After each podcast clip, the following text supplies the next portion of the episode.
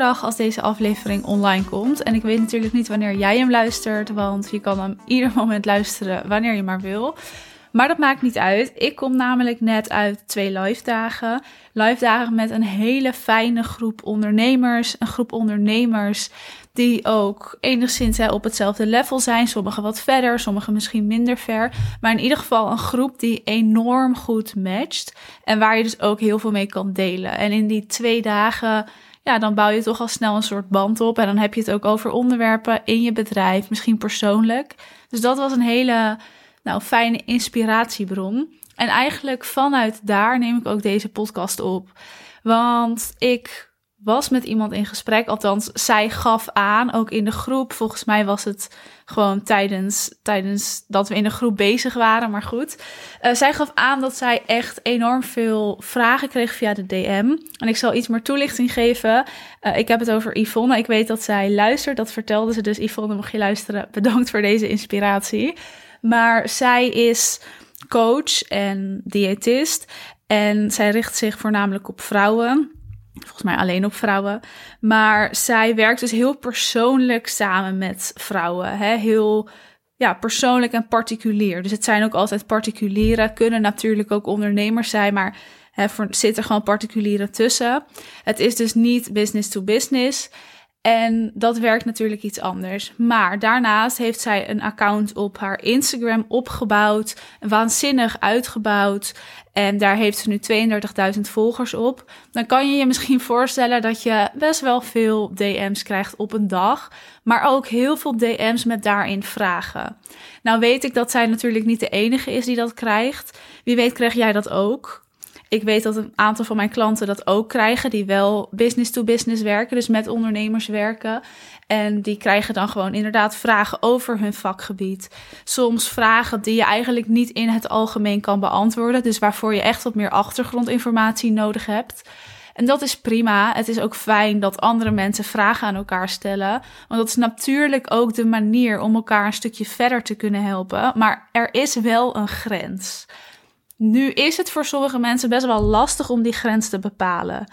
En die grens bepalen hangt heel erg af. Nou, ten eerste natuurlijk, wat wil je zelf? Hè, hoe ver wil je zelf gaan? Maar het is ook interessant, wat is jouw doelgroep? Bijvoorbeeld bij Yvonne, zij werkt dus met particulieren. En dus is haar doelgroep ja, veel persoonlijker daarin. Het gaat ook echt om persoonlijke verhalen als je het bijvoorbeeld hebt over business to business, dan gaat het vaak over vragen die over het bedrijf gaan of over bijvoorbeeld een stukje strategie. Dus dan is het net een iets ander verhaal. En dan heb je er misschien ook net een iets ander gevoel bij. En dat gaf Yvonne bijvoorbeeld ook aan. Zij zei ook, of ik weet niet of ze het letterlijk zei, maar zij wil ook die mensen graag verder helpen. Want zij ziet dus en hoort dus dat die mensen daarmee zitten. Misschien zitten ze er al heel erg lang mee. En zij heeft die kennis. Maar zij heeft die kennis en dat is ook haar werk. En dat herkennen mijn klanten ook wel eens. Hun hebben de kennis en ze willen heel graag de ander verder helpen. Maar het is wel hun werk. Dus waar trek je dan die grens dat je gratis tips geeft en gratis verder helpt? Of dat je dus een aanbod doet en zegt: Sorry, maar ik kan niet iedereen voorzien van gratis advies we kunnen een consult inplannen of we kunnen een call inplannen. En dan kunnen we vanuit daar even kijken wat passend is. Nou, je voelt hem natuurlijk al aankomen. Vaak als je dat doet, dan haken mensen ook af. En dan ga je misschien iets onzeker worden of in je hoofd zitten en jezelf afvragen: oké, maar heb ik nu dus misschien klanten weggestoten, weggeduwd, omdat ik ze niet heb voorzien van gratis advies? Nu is het voor mij natuurlijk heel makkelijk om te zeggen: gewoon niet doen heel hard zijn, trek die lijn voor jezelf. En dat is ook veel te kort door de bocht, dat weet ik.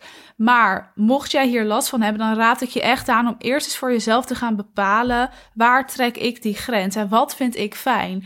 Want misschien vind jij het wel fijn om die DM-gesprekken te voeren. Er is geen goed of fout en dat wil ik wel benadrukken.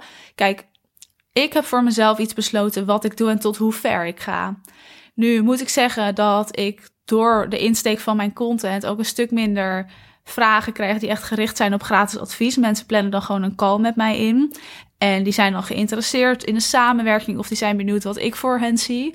Dus dat is een iets ander verhaal. Maar als jij dit dus wel krijgt en jij vindt het eigenlijk helemaal niet erg, dan is het ook niet erg zeg ik er wel bij, zorg wel dat je het natuurlijk een beetje binnen die lijntjes houdt, zodat je iemand ook een aanbod kan doen.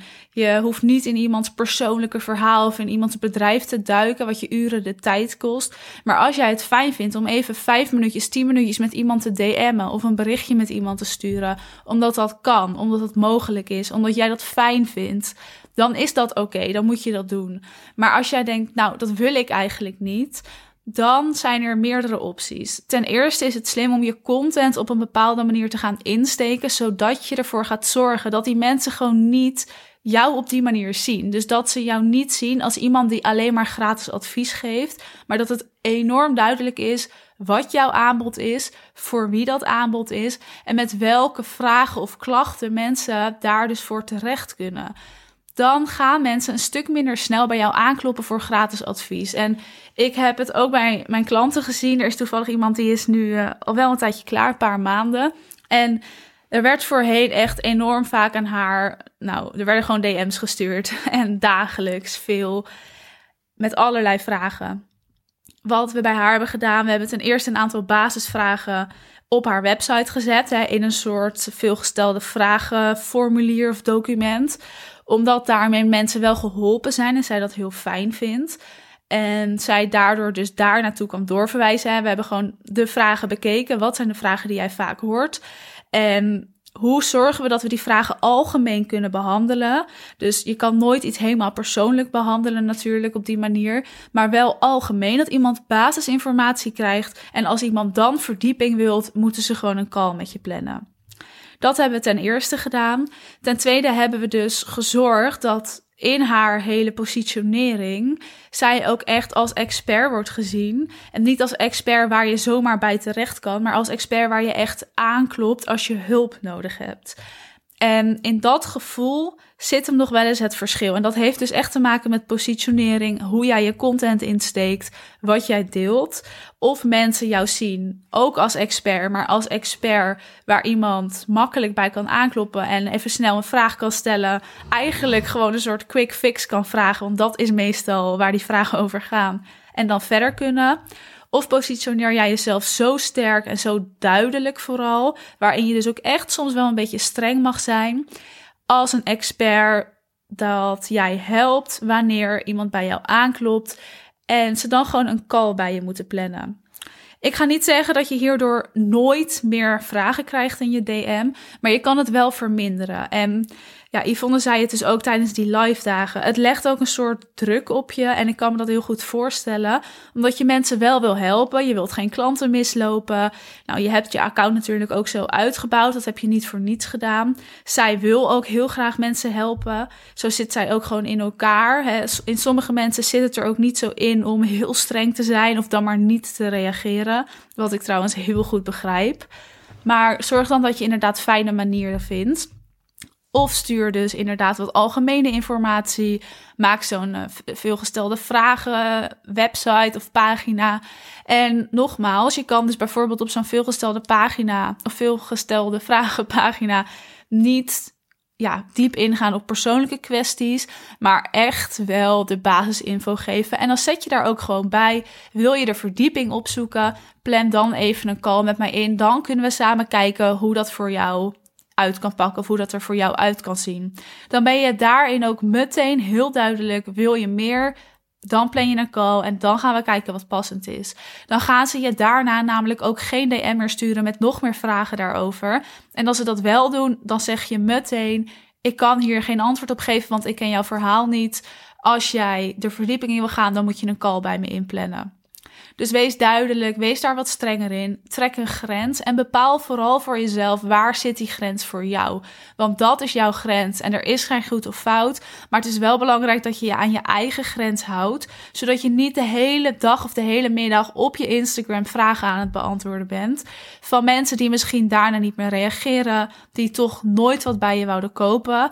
En want je hebt gewoon van die graaiers, noem ik ze ook wel eens. En die zijn gewoon op zoek naar heel veel gratis advies.